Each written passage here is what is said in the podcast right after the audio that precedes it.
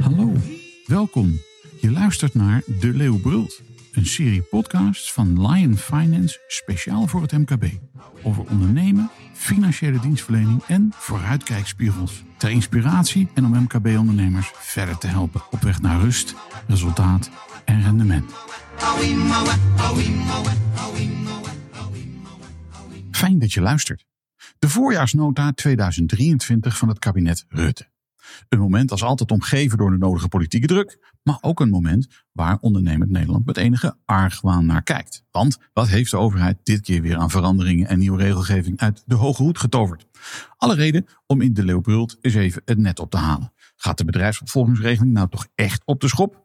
Hoe zit het met de compensatie voor bedrijven met exorbitant hoge energiekosten? En wat heeft het aangescherpte klimaatbeleid van het kabinet voor gevolgen voor MKB-ondernemers? We bespreken de voorjaarsnota 2023 van het kabinet met een specialist die de ontwikkelingen op de voet volgt. Lion Fiscalist to Share, Hans Schreuder. Hans, van harte welkom. Um, als je die voorjaarsnota eens even door je oogharen laat gaan, hè, wat zijn dan wat zijn dan de belangrijkste punten die een beetje relevant zijn voor het MKB? Nou, vanuit uh, fiscale optiek valt het uh, nog wel mee, vind ik. Uh, we hebben het er vaker over gehad tijdens de podcast. de boor gaat nu eindelijk inderdaad versoberd worden.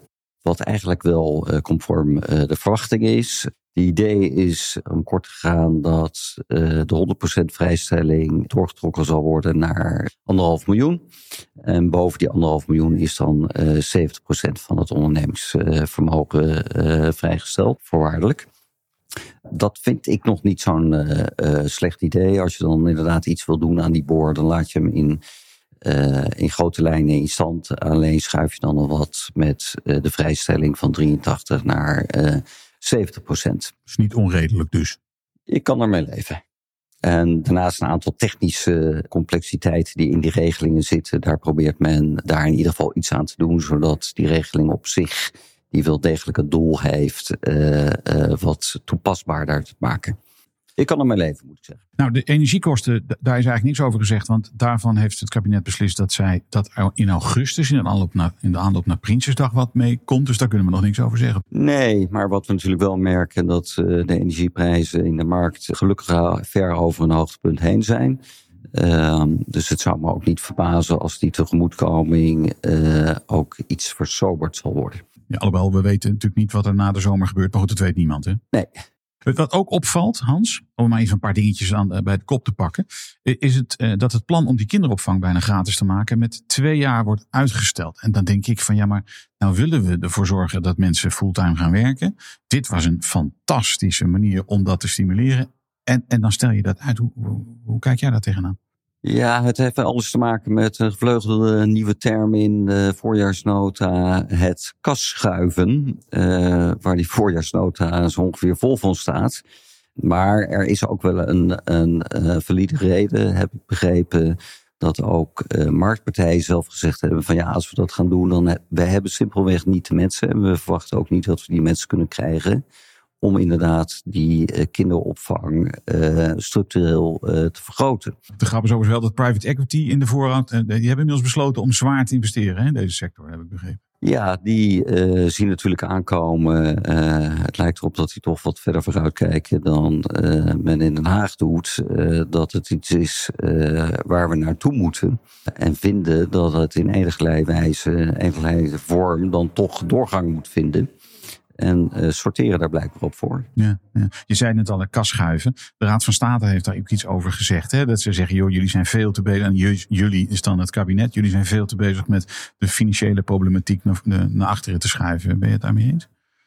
Ja, dan moet ik zeggen, als fiscalist heb je altijd geleerd om terug te gaan naar de bron. Dus ik heb die 243 pagina tellende voorjaarsnota uh, proberen te lezen. Uh, ik heb wel het idee dat het uh, uh, een boekhoudkundig verhaal aan het worden is met veel kasschuiven, potjes die klaarstaan, maar nog niet aangesproken kunnen worden, geld wat klaar ligt. maar er moeten nog allerlei regelingen voorkomen. zoals ik al zei, het staat vol van de kasschuiven. Ik vind het zelf, ook met mijn beperkte kennis van het systeem, een vrij ondoorgrondelijke nota, moet ik zeggen. Ja, oké. Het is me wel opgevallen als je gewoon kijkt naar, naar, naar kas. Dat de uitgaven van de overheid in 2028 tot substantieel hoger zijn dan, dan nu. Uh, de belastinginkomsten zijn ook substantieel uh, hoger, maar minder hoog dan de uitgaven. Dus het begrotingstekort is wel aan het oplopen. En ik vraag me wel af, zonder daar heel veel verstand van te hebben, of dat ook niet op zichzelf al gaat leiden tot een bepaalde inflatiedruk, waar de president van de Nederlandse Bank natuurlijk ook voor gewaarschuwd heeft. Ja. Uh, rentes die worden verhoogd omdat de ECB vindt dat de inflatie getemperd moet worden. Ja, dan past het er niet bij dat een overheid uh, geld blijft uitgeven. Nee, nou ja, en in alle eerlijkheid, de minister Kaag heeft natuurlijk ook voor het eerst weer geroepen van er moet ook bezuinigd worden. Jawel, maar dat blijkt nou niet echt uh, nog uit die voorjaarsnota. Als ik uh, de tabelletjes goed lees, dan zie ik er nog steeds forse toenames van uitgaven. Wat mij overigens bij het lezen ook nog even een vraag die mij in het oog gesprong. Heb jij nog een kelderbox ergens staan om een, om een flexwoning in op te slaan? Want ik begrijp dat die dingen, die worden, er wordt nu 300 miljoen wordt erin gestoken, maar die dingen die kunnen, die kunnen ze de straat niet kwijt, begrijp ik uit de krant. Nou, ik moet je zeggen, wij wonen naast een poldertje wat al 17 jaar bestemd is om woningen te bouwen. En dat gaat maar niet lukken. En ik geloof ook niet dat de projectontwikkelaar nou heel veel haast daarmee maakt. Okay. Dus daar zouden best wel 800 van die dingen geplaatst kunnen worden. Dan moeten ze wel binnen vijf jaar weer weg zijn. Ja, nou, misschien moet je even bellen, want ik, ik begrijp dat minister De Jong daar enorm de grootst mogelijke probleem heeft om die dingen ook inderdaad op te laten bouwen. Ja, maar of uh, deze minister nou zo welkom is in ons dorp Voorschoten, weet ik eigenlijk niet. Een ander puntje was, wat ik interessant vond, is het stapbudget voor scholing van werknemers. Uh, wordt, uh, en werkzoekenden wordt in 2024 ges geschrapt. Nou is er natuurlijk veel publiciteit geweest over allerlei on, on, ja, opleiders die daar exorbitant van hebben geprofiteerd, zou ik maar zeggen. Maar, maar wat vind je, hoe kijk jij daar aan? Nou, het is ontoezeggelijk zo dat daar, als je het aanbod van cursussen bekijkt die onder die regelingen vallen, dat je daar best iets van kan vinden. Dus de vraag of je dat niet in twee, drie jaar uit kan faseren door gewoon wat strenger criteria te hanteren. Maar ten principale is het natuurlijk toch wel een verkeerd signaal. We horen al terecht een jaar of 10, 15 dat we moeten blijven leren en ons blijven moeten ontwikkelen. En met name las ik, ik dacht dit weekend in een column in de Volkskrant, dat als je dat plaatst tegenover, tegenover het afschaffen van zo'n regeling, dat het eigenlijk een heel slecht signaal is. omdat als je vindt dat werknemers, en terecht denk ik, ze moeten blijven ontwikkelen, ja, dan moet je de regeling niet dat mogelijk maken. Met name voor MBO'ers moet je niet, moet je niet afschaffen. Je, je, triggert bij mij meteen een gedachte.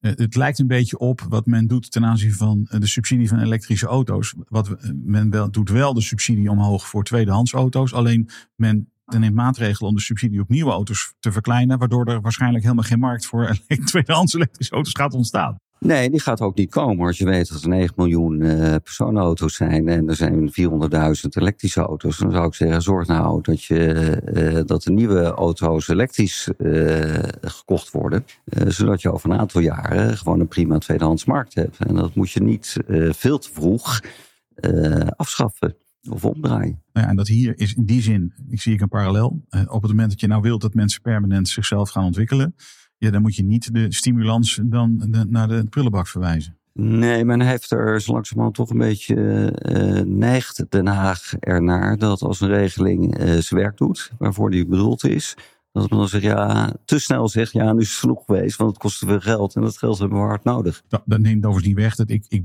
ben zelf van mening dat cursussen zijn lang niet altijd de oplossing voor professionele ontwikkeling. Je, je, moet het ook gewoon, dus learning by doing, leren door te doen is denk ik de grootste, de grootste brenger van professionele ontwikkeling, maar dat zijn.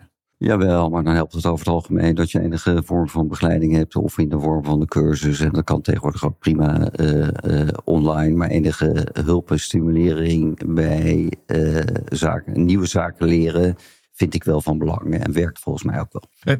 Wat moeten MKB-ondernemers in Nederland nou met die voorjaarsnoten? Of, of moeten ze er eigenlijk helemaal niks mee? Want het is niet zo spannend voor hen op dit moment. Nou, behalve voor die bedrijfsopvolgingsregeling, dat is, eh, daar hebben we het vaker over gehad, zo langzamerhand toch echt wel tijd dat als je in dat proces zit om dat uh, toch enigszins uh, te versnellen. Uh, ja, en veel van die andere regelingen, daar kan je als ondernemer niet zoveel mee. Behalve uh, bedenken dat je wellicht nog harder moet werken om die enorme uh, belastingdruk die er inmiddels wel is, om daarmee om te gaan. Ja, want dat is een ding hè? Ja. Die belastingdruk. De belastingdruk, de ingewikkeldheid van de regelingen, het beleid wat af en toe tekenen heeft van zigzag. Uh, het ene ministerie die naar A wil en de ander die naar B wil, die daar echt tegenover ligt. Dat maakt het wel ingewikkeld voor ondernemers. Ja, dus aan het eind van de dag zeggen we dan: oké, die voorjaarsnota heeft een aantal elementen waar je als ondernemer echt eventjes naar moet kijken. En zeker op het moment dat jij bezig bent om jouw bedrijf naar de volgende generatie over te doen. Hè, dan is het echt interessant om hier even naar te kijken. Voor de rest een aantal dingen die interessant zijn. Maar als we het afzetten tegen de totale beweging ja, dan is er wel wat aan de hand. Hè? Ja, totale beweging is toch uh, dat de overheid uh, haar uitgaven uh, niet op orde heeft. er moet heel veel gebeuren. er moet veel geïnvesteerd worden in Nederland. waarbij ik er meteen bij zeg dat uitgaven, al dan niet in het sociale domein, ook nog wel eens als investeringen worden betiteld. en dat moet ergens vandaan komen. Ja. En het is in die zin uh, vrij simpel. Het komt van het bedrijfsleven. Zo, zo, zo, eenvoudig is het. Hè? Iedere euro. Ik heb wel eens iemand horen zeggen: is dat 70, 60, 70 cent van elke euro die in de overheid eh, in, in, in het algemeen belang wordt uitgegeven, moet eerst door de boeken van een onderneming voordat het überhaupt. Zo is het. Komt. Maar zo is het echt. Dat vergeten we nog wel eens. Hè? Ja, helaas wel. Uh, uh, waarbij komt dat niet elke uitgave even zinvol is uh, met het oog op de doelstellingen die men voor ogen heeft. Hoe dan ook, wij houden de vinger aan de pols, zoals we dat altijd doen, een aantal keren per jaar. Dus ook bij de voorjaarsnota. Het volgende pijlmoment is denk ik Prinsjesdag, denk ik Hans. Ja, uh, nu staan er ook nog wel uh, uh, een aantal nieuwe regelingen, althans voorstellen daartoe op het programma voor de zomer. ik moet nog zien of dat inderdaad plaats gaat vinden of men het toch doorschuift naar het belastingplan. maar het worden wel spannende tijden. Ja, nou wij houden de vinger aan de pols. En voor de luisteraars, zodra er aanleiding voor is, dan halen wij gewoon samen het net weer op. Zo is dat. Ik dank jou zeer. Graag gedaan. Dit was hem weer voor vandaag. Namens Hans Schreuder, bedankt voor het luisteren. En heb je op basis van deze podcast vragen? Neem dan contact op met Lion Finance. Ze helpen je graag verder. Mijn naam is Koos Woltjes en tot een volgende keer.